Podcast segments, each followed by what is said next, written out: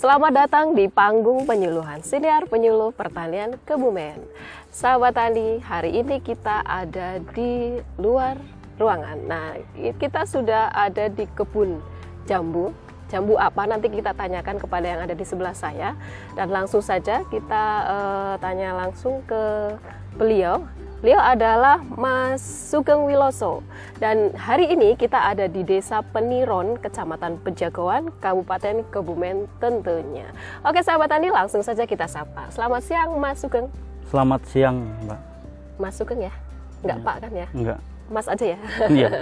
Karena beliau masih muda sahabat Tani dan beliau adalah sosok seorang petani milenial begitu ya Mas Sugeng ya. Mas Sugeng Wiloso. Mas Sugeng Wiloso ini uh, jadi kita sedang berada di kebun jambunya beliau. Namun sebelumnya sahabat tani, saya belum akan nanya masalah jambu dulu ini. Kita tanyakan dulu tentang Mas Sugengnya, Mas Sugeng Wiloso. Mas Sugeng Wiloso itu awalnya bisa sampai terjun ke dunia pertanian, terutama untuk di bidang perjambuan ini. Awalnya tuh dari mana? Ini uh, apakah punya mimpi atau apa gitu? Bisa dijelaskan sedikit Mas Sugeng? Oh ya begini Pak. Dulu sebetulnya uh, saya itu seorang driver dan mungkin sampai sekarang pun mungkin banyak orang yang mengenal saya masih masuk ke driver. Iya masih driver juga. Uh, saya kebetulan driver uh, membidangi di wisata, mm. kebetulan di suatu bus pariwisata dan tentu di wisata itu kita sering jalan-jalan mm. dan pada suatu saat kita uh, kedatangan tamu dulu meminta untuk uh, diantarkan ke, ke kebun buah yang petik langsung. Nah, kebetulan waktu itu ada itu di daerah Kelirong kalau nggak salah waktu itu. Dan kebetulan kita jadi ikut ke sana. Dan dari situ kita terinspirasi uh, bisa terjun ke dunia pertanian seperti ini. Karena setelah saya melihat potensi dari uh, buah ini ternyata luar biasa. Jadi buah ini bisa dijadikan ladang bisnis yang uh, tidak ada putusnya seperti itu. Dan ini tanpa musim sehingga bisa kapan saja panen dan kita selalu ada buah untuk dipetik. Dan dari situ kita melihat peluang dari sisi bisnisnya. Uh, ini suatu bisnis yang di bidang pertanian yang luar biasa sekali sehingga saya tertarik seperti itu. Sahabat tadi, ternyata Mas Sugeng itu awalnya adalah seorang driver. Gitu. Driver gitu. betul. Driver dan e, kalau saya lihat beliau itu tidak hanya menikmati profesinya saja sebagai seorang driver, tapi selalu ingin tahu tentang apa yang ada di lingkungan beliau, begitu ya, betul. Mas Sugeng. Jadi suatu ketika beliau mengantarkan suatu rombongan ke kebun jambu, kebun jambu. gitu, ke kebun jambu, dan beliau sangat tertarik dengan uh, sininya langsung berputar bisnis bisnis gitu ya. Cuan cuan cuan gitu. Kan gitu ya mas Sugeng ya? jadi ternyata tadi sudah dijelaskan bahwa beliau tertarik dengan jambu ini. Nah tadi belum saya sebutkan jambu apakah ini. Kita sebut saja sekarang mas. Sugeng ini jambu apa ini ini jambu kristal. Nah, jambu kristal. jambu kristal. Sahabat Tani kalau mendengar kata jambu kristal yang terlintas ada di pikiran sahabat Tani pasti Kabupaten Kebumen. Kita juga ada di Kabupaten Kebumen namun di Kecamatan Pejagoan. Pejagoan ya. Jadi yang uh, awalnya jambu kristal itu banyak ditanam di daerah pesisir, ternyata sekarang itu sudah merambah sampai ke daerah dataran tinggi begitu ya karena di Kecamatan Pejagoan ini khususnya di Desa Peniron merupakan uh, daerah yang lumayan uh, tinggi ya, dat, uh, termasuk ke dalam dataran tinggi. Nah, kalau untuk uh, Mas Sugeng ini saya penasaran background pendidikannya ini apa ini? Saya pendidikan terakhir hmm. SMK atau SMK di jurusan di jurusan Teknik Otomotif. Nah, itu. itu menyimpang lagi sahabat tani ternyata dari uh, jurusan otomotif tapi sekarang terjun ke dunia pertanian. Atau mungkin sebelumnya uh, sebelum sampai ke dunia pertanian ini pernah masuk ke pernah terjun ke dunia pertanian mungkin membantu orang tua ataukah pernah uh, bekerja di mana gitu? Sebelumnya saya sama sekali belum pernah untuk terjun di dunia pertanian sama gitu. sekali. Jadi pengalaman saya di dunia pertanian itu sangat minim sekali. Sangat minim ketika sekali. saya masih menjadi driver, uh. Uh, itu salah satunya kenapa minim waktu uh. itu letak sawah orang tua saya saja saya Tidak tahu. hampir tidak tahu Oh. harus diantarkan itu Oke. itu salah satu alasan kenapa saya eh, tidak punya pengalaman sama sekali di bidang pertanian mungkin dulu waktu masih kecil itu paling-paling diajak Ikut ke untuk sawah. ikut ke sawah sama orang tua gitu paling bantu merumput dan lain-lain Lalu kemudian bagaimana caranya Anda itu bisa eh, mahir, saya bilang mahir karena sudah lumayan berhasil ini, bisa mahir dalam bidang pertanian ini, terutama di budidaya jambu kristal. oh ya tentu eh, ini memerlukan suatu proses yang luar biasa dan proses itu harus kita nikmati Mm-mm. Dulu ketika saya beralih dari seorang driver menjadi petani itu kan istilahnya itu apa ya terjun bebas mungkin ya bisa Terjun kan? bebas. terjun bebas. Karena dari pengalaman yang sangat berbeda. Mm. nah, dari awal uji coba menanam dari awalnya cuma nanam 100 pohon dan sekarang sudah berkembang menjadi 400 pohon itu prosesnya luar biasa. Dulu saya eh, untuk masalah pengalamannya saya tentu berguru ke sana ke sini yang sudah eh, pernah sukses. Tentunya saya kunjungi saya minta ilmunya. Salah satunya seperti itu. Tentu untuk menjadi eh, bisa seperti ini eh, kita punya proses yang luar biasa.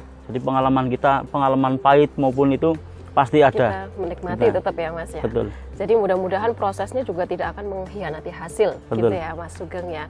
Dan ternyata sahabat tani, terutama petani-petani muda kita yang ada di Indonesia, jangan pernah eh, berhenti untuk belajar. betul Gitu ya. Walaupun kita juga sudah ahli dalam bidang sesuatu, tapi di mana pun dan kapan pun kita bisa mempelajari sesuatu yang belum kita eh, kuasai gitu ya Mas Sugeng. Dan sahabat tani, ini saya dengar-dengar kalau Mas Sugeng itu petani muda ini, boleh tahu nggak sih umurnya berapa? Boleh sekitar 33 30 juga masih muda.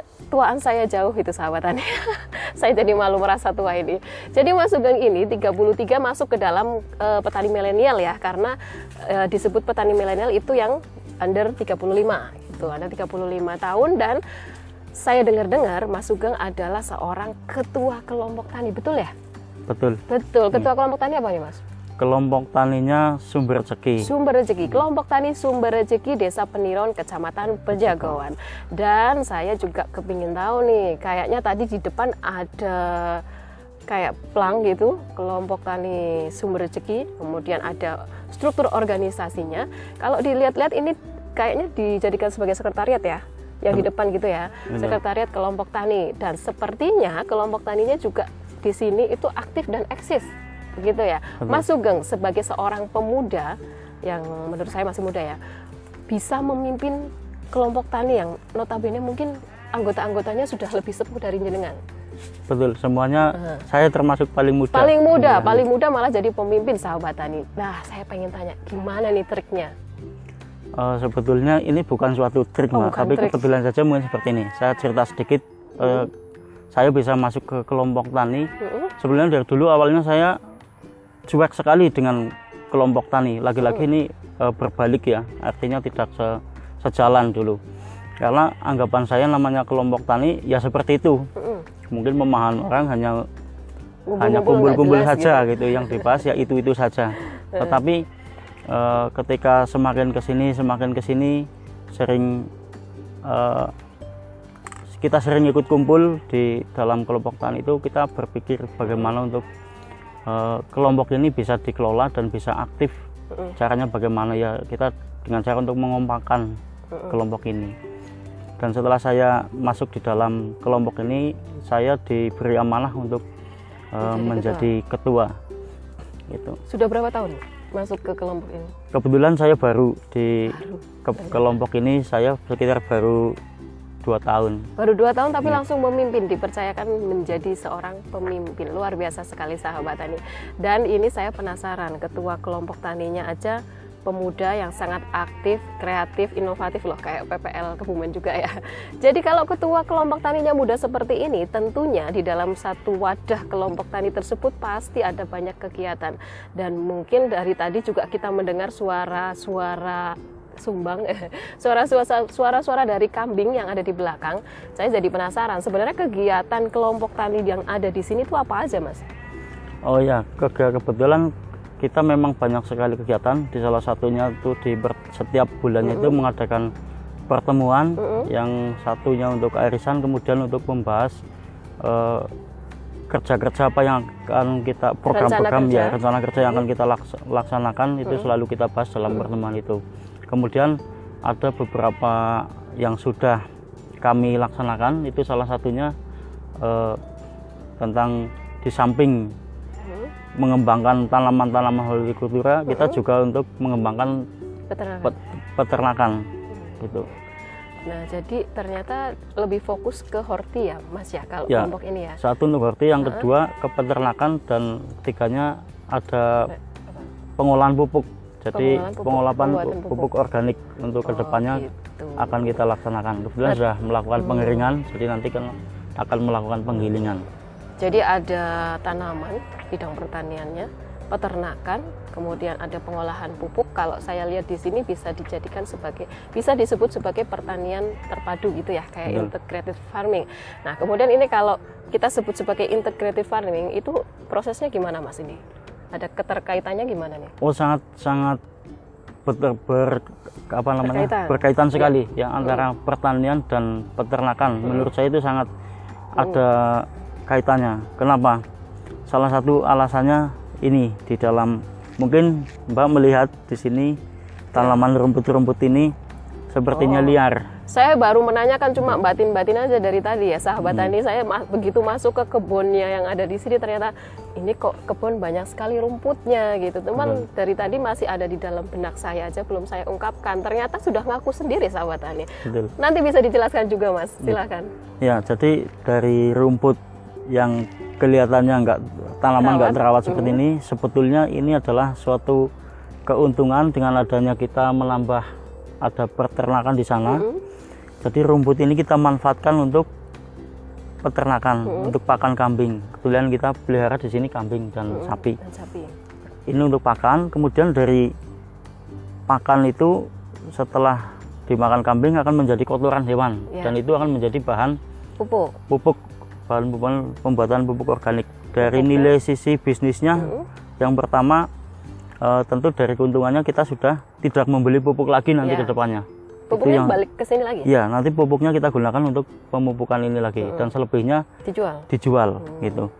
Kemudian dari sisi bisnis yang lain rumput ini yang biasanya kita memperkerjakan tenaga untuk pembersihan bisa mencapai di angka 700 sampai 800 ribu sekali membersihkan. Per apa ini kak? Ya ber ini semua tanaman ini. Oh, heeh. itu sekitar 300 400 pohon. Mm-mm. itu sekali membersihkan bisa 4 sampai 5 orang. Mm-mm. dan itu biayanya bisa diangkat 800 bahkan hampir 1 juta sekali membersihkan. Itu hampir tiap bulan.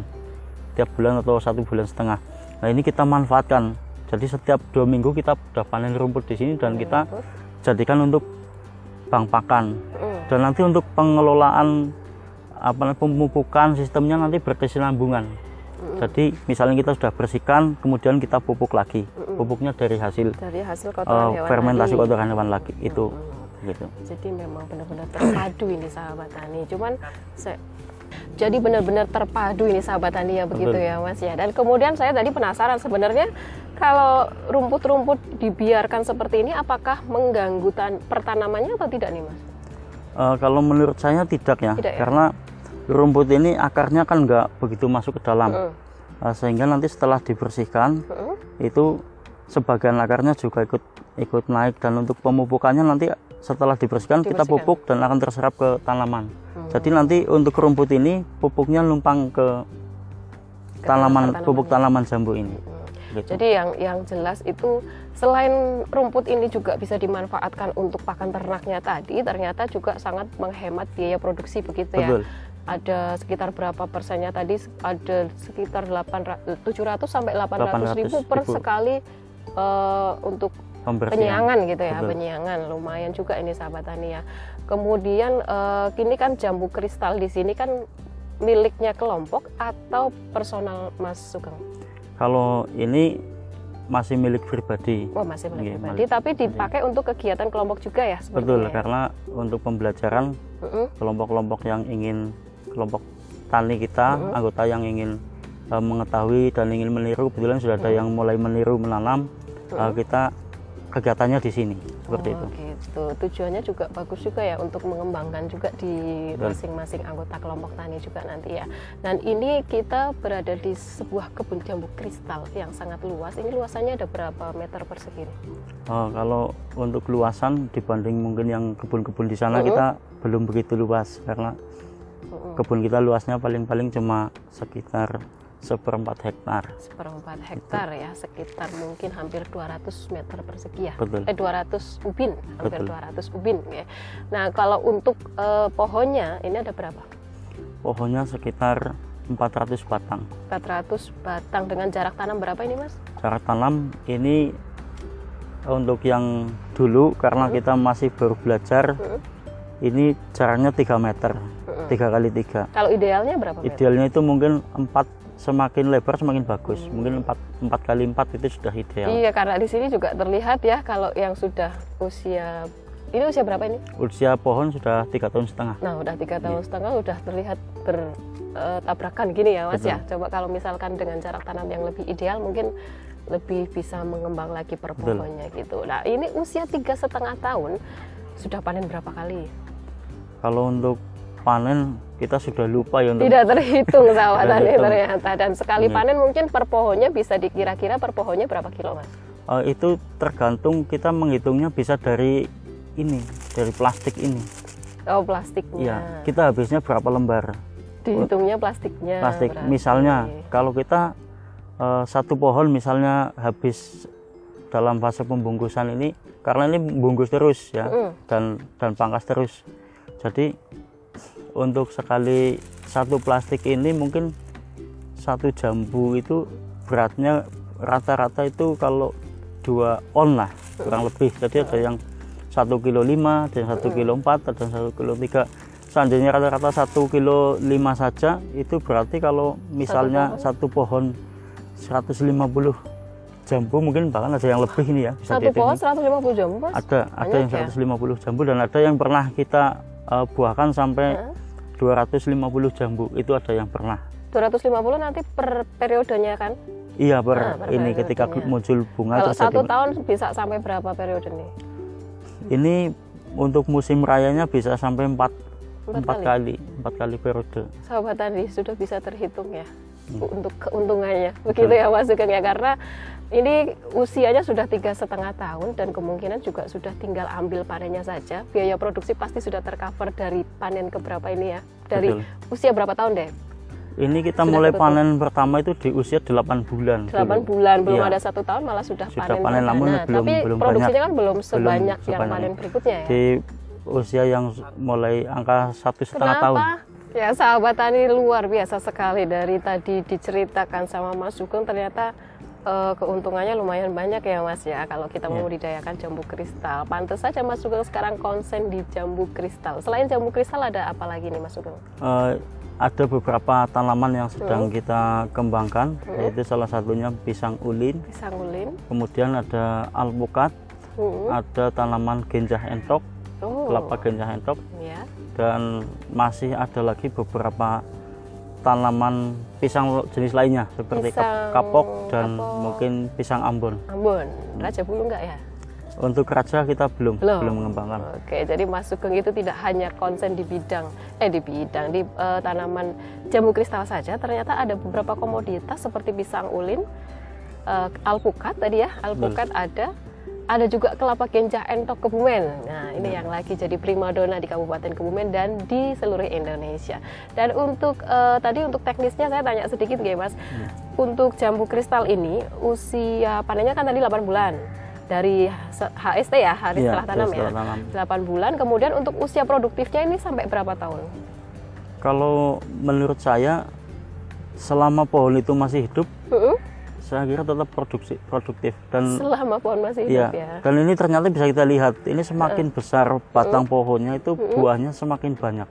Oh, gitu. justru malah semakin banyak ya. Semakin ini semakin banyak. semakin Betul. tua gitu, semakin mungkin semakin matang Betul, gitu itu ya. bisa dilihat dari uh, data yang ada uh. pada saya itu ketika uh. pembungkusan uh. itu dari tahun ke tahun Plastiknya uh, dihitung lebih banyak ya? Betul, meningkat. Semakin banyak betul. plastiknya untuk iya, membungkus. semakin meningkat untuk membungkuskan. Dan uh, ini selain oh dari tadi kita bicara tentang pembungkusan. Kalau untuk pembungkusan buahnya ini di usia berapa ya, Mas? Buahnya itu usia berapa? Kalau untuk usia buahnya saya kurang tidak uh, terus yang hitung, jadi tapi indikator apa nih? indikatornya seperti ini. Iya. Salah satu contoh yang sudah Hmm. harus kita bungkus itu Hmm. yang ini. Kalau sudah seperti- segitu, iya, sebesar, sebesar ini ya. ini. Usahakan jangan terlalu besar, juga jangan Hmm. terlalu kecil. Karena kalau terlalu kecil bisa rontok. Hmm. Kalau terlalu besar itu biasanya sudah terinfeksi lalat buah. Oh, sudah keduluan lalat buah. Betul. Gitu. Jadi nanti walaupun kita bungkus bisa busuk. Jadi mungkin kawan-kawan yang ada di luar itu bisa bisa Pokoknya dilihat juga kira-kira. Iya. sebesar bola bekel Bola bekel itu ya. tepatnya bola bekel Kira-kira itu sudah sebesar bola bekel kita sudah harus mulai pembungkusan. Berarti Pembungkusan. setiap hari memang ada pembungkusan ya Ada Mas ya? pembungkusan Pasti terus. Ada aja. Kemudian dari pembungkusan sampai ke waktu panen itu berapa bulan? Berapa hari? Itu kurang lebih sekitar 40 hari kalau 40 saya hari pernah ya, mengamati satu itu. bulan lebih itu kira-kira sudah usia panen. Nah dari satu pohon ini kan tadi eh, tergantung jumlah plastiknya berapa Betul. ya. Ada yang sampai 150 eh, buah gitu ya. Nah untuk per kilonya harga jambu kristal di tingkat petani itu berapa Mas? Eh, kalau harga itu naik turun, iya Oh. jadi harga ini tidak menentu. Artinya Heeh. ketika mungkin permintaan pasar sedang banyak, Banyak, harganya naik turun. gitu. Tapi ketika Oh kalau permintaan pasar banyak harganya naik? betul Oh gitu? dan itu biasanya kalau pas musim eh, pemangkasan kalau Hmm. kita pas ada itu biasanya juga naik juga. Biasanya di musim kemarau itu Paling tinggi itu sampai harga berapa Mas? pernah di angka 10.000 kita pernah 10.000 dari di tingkat dari- petani? di petani pernah kita terendah di angka Terendah? 4.000 pernah gitu. 4.000 tapi terendah itu ya. itu waktu harga terendahnya Kalau yang yang rata-rata aja yang stabil tuh kalau harga berapa? harga Di stabil itu ya di angka 6.000 sampai 7.000 lah. sampai 7.000 di tingkat petani. Betul lumayan juga kalau dihitung-hitung biaya produksinya per kilo biasanya ketemunya berapa nih? ya? Pernah ngitung nggak analisis usaha taninya, Mas? Oh begini, kalau Heeh. analisa saya sederhana saja ini kalau satu kilo isinya Lima. 5 jambu Heeh, dikalikan 5 plastik untuk kebutuhan ini yang jelas ya. plastiknya. Jadi plastik itu satunya itu 80 rupiah. 8 rupiah. Berarti kali 5 Iya, 85 berarti 400 rupiah untuk satu kilonya. Untuk satu kilo. Kemudian untuk biaya perawatan pupuk dan lain-lain kalau per kilo jambu misalnya di harga sekitar 6.000 itu mungkin biaya perawatannya ya kurang lebih sekitar 1.500 sampai 2.000 rupiah. 1.500 maksimal. dengan 400 tadi sampai 2.000 sekitar 2.000 lah ya kita Iya, rata-rata betul. aja 2.000 per kilonya dan menghasilkan keuntungan 200 persennya karena satu kilonya kita anggap 6.000 tadi ya Betul. 6.200 persennya gimana sahabat tani ngiler nggak nih sahabat tani kalau saya ngiler pak cuman saya belum bisa untuk seperti beliau Mas Sugeng yang menekuni bidang pertanian dengan eh, apa ya ini merawatnya juga kayaknya penuh dengan kasih sayang ya pak ya Betul. kalau misalkan tidak juga yang namanya tanaman juga makhluk hidup juga nggih. Betul. Nah kemudian saya nanya tadi kan udah panenannya sekarang pasarnya ke mana ini? Eh, untuk pasar kebetulan sekarang juga eh, pengepul jambu itu banyak sekali, terutama di daerah pesisir sana ya. Mm. Dan kemudian di sekitar sini juga sudah mulai ada yang memasarkan, ikut memasarkan. Jadi untuk pemasaran saya kira Tidak jadi masalah tidak ya? jadi masalah untuk sampai saat ini ya masih aman gitu Aman, ya. aman Jadi saja. sahabat tani yang masih meragu-ragukan untuk membudidayakan sesuatu atau komoditas yang masih eh, bingung tentang pemasarannya, ternyata memang kalau jambu kristal itu pasarnya sudah banyak sekali dan tentunya itu nanti masuknya ke luar kota ya mas ya. betul. Dan saya tahunya juga kalau di luar kota kadang eh, dibuat seperti dibuat rujakan gitu ya. Iya, kalau betul. kalau di sini kan kita konsumsi langsung ya, ses- Konsumsi eh, langsung, segar ya, buah iya. segar. Cuman ada di beberapa tempat yang dijadikan sebagai pangan pakan eh, pangan olahan gitu. Seperti ada manisan jambu kristal. Betul.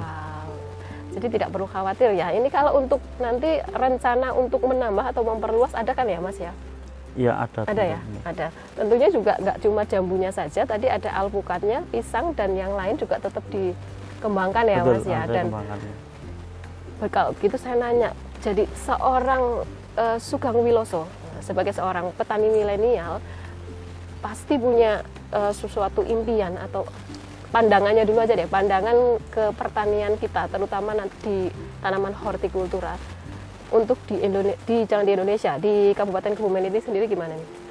Oh ya, tentu saya itu punya harapan dan uh, pandangan yang uh, besar sekali ya, uh -huh. khususnya untuk di daerah kita uh -huh. itu masih banyak sekali lahan-lahan yang kosong, kosong dan terbengkelai. Uh -huh.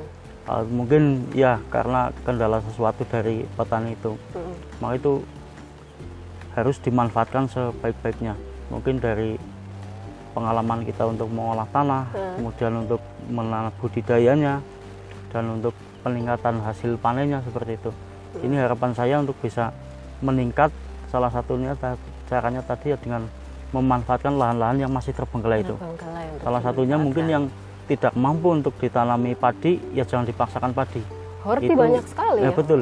Dari sayuran, sayuran bisa, bisa, mungkin dari jenis tanaman buah bisa, bisa gitu. Atau mungkin tanaman keras juga bisa ya. Tanaman ya? keras ya, bisa, itu. seperti uh, kelapa atau apa pun lah kelapa. itu bentuknya. Nah, tadi juga disebutkan kelapa genjah entok juga itu juga ternyata Betul. Mas Sugeng itu juga ikut me, apa ya melestarikan produk unggulan lokal kita di Kabupaten Kebumen, kelapa genjah entok Kebumen, ya. Tanam berapa buah ini, Mas? Saya berapa tan pohon? Belum banyak. Saya paling baru tanam sekitar 100 pohon itu di daerah Curug sana di atas dan sebagian ada di sini. Tapi masih pohon. kecil ini. 100 pohon nanti lama-lama bisa jadi 1000 pohon, ya. Amin, amin. amin, Terima kasih. Dan sebelumnya saya ada yang kelupaan tadi mau nanya untuk masalah pemupukan, perawatan dan pemupukan, ya.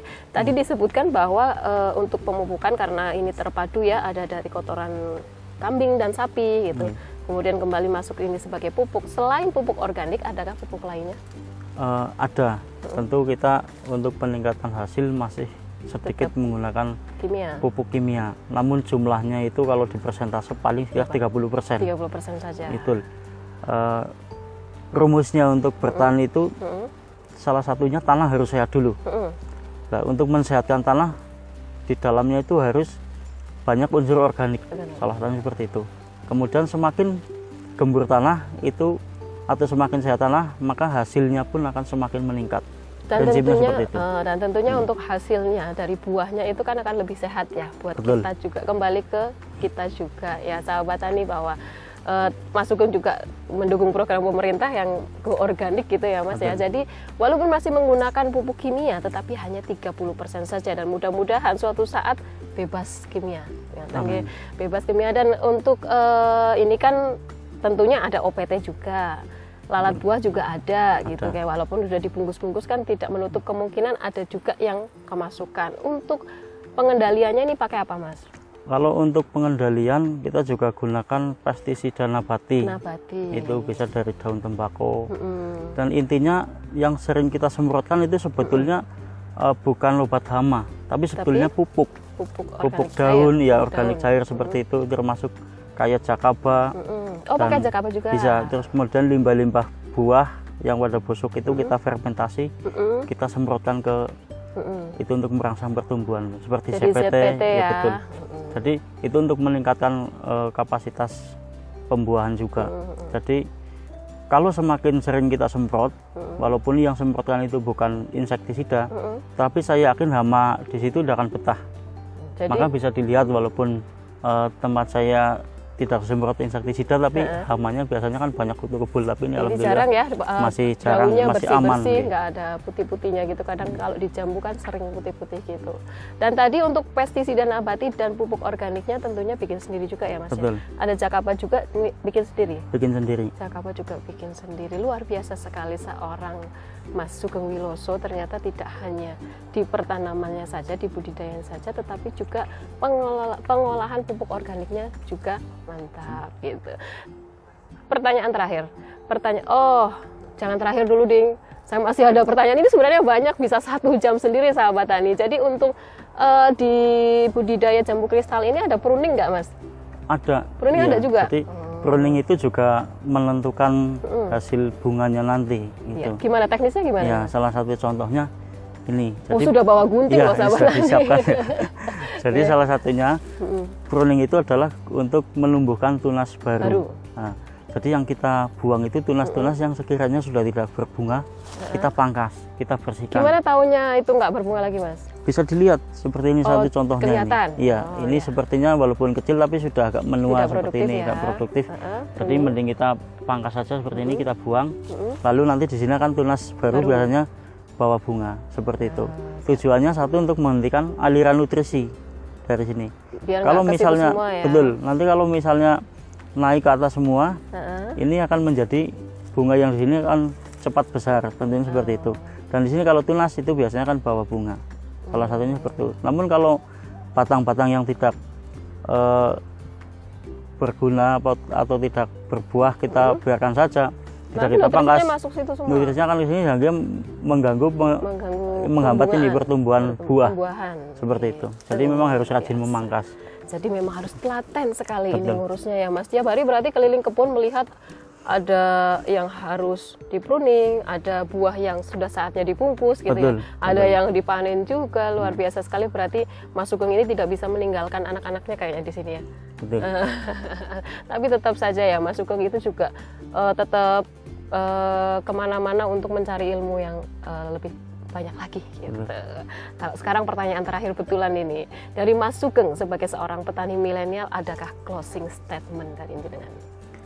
Iya, dari saya pesan untuk para pemuda Pesan untuk para pemuda? jangan malu untuk bertani. Mm-mm. Sebab petani itu adalah pahlawan penyangga pangan untuk di Indonesia.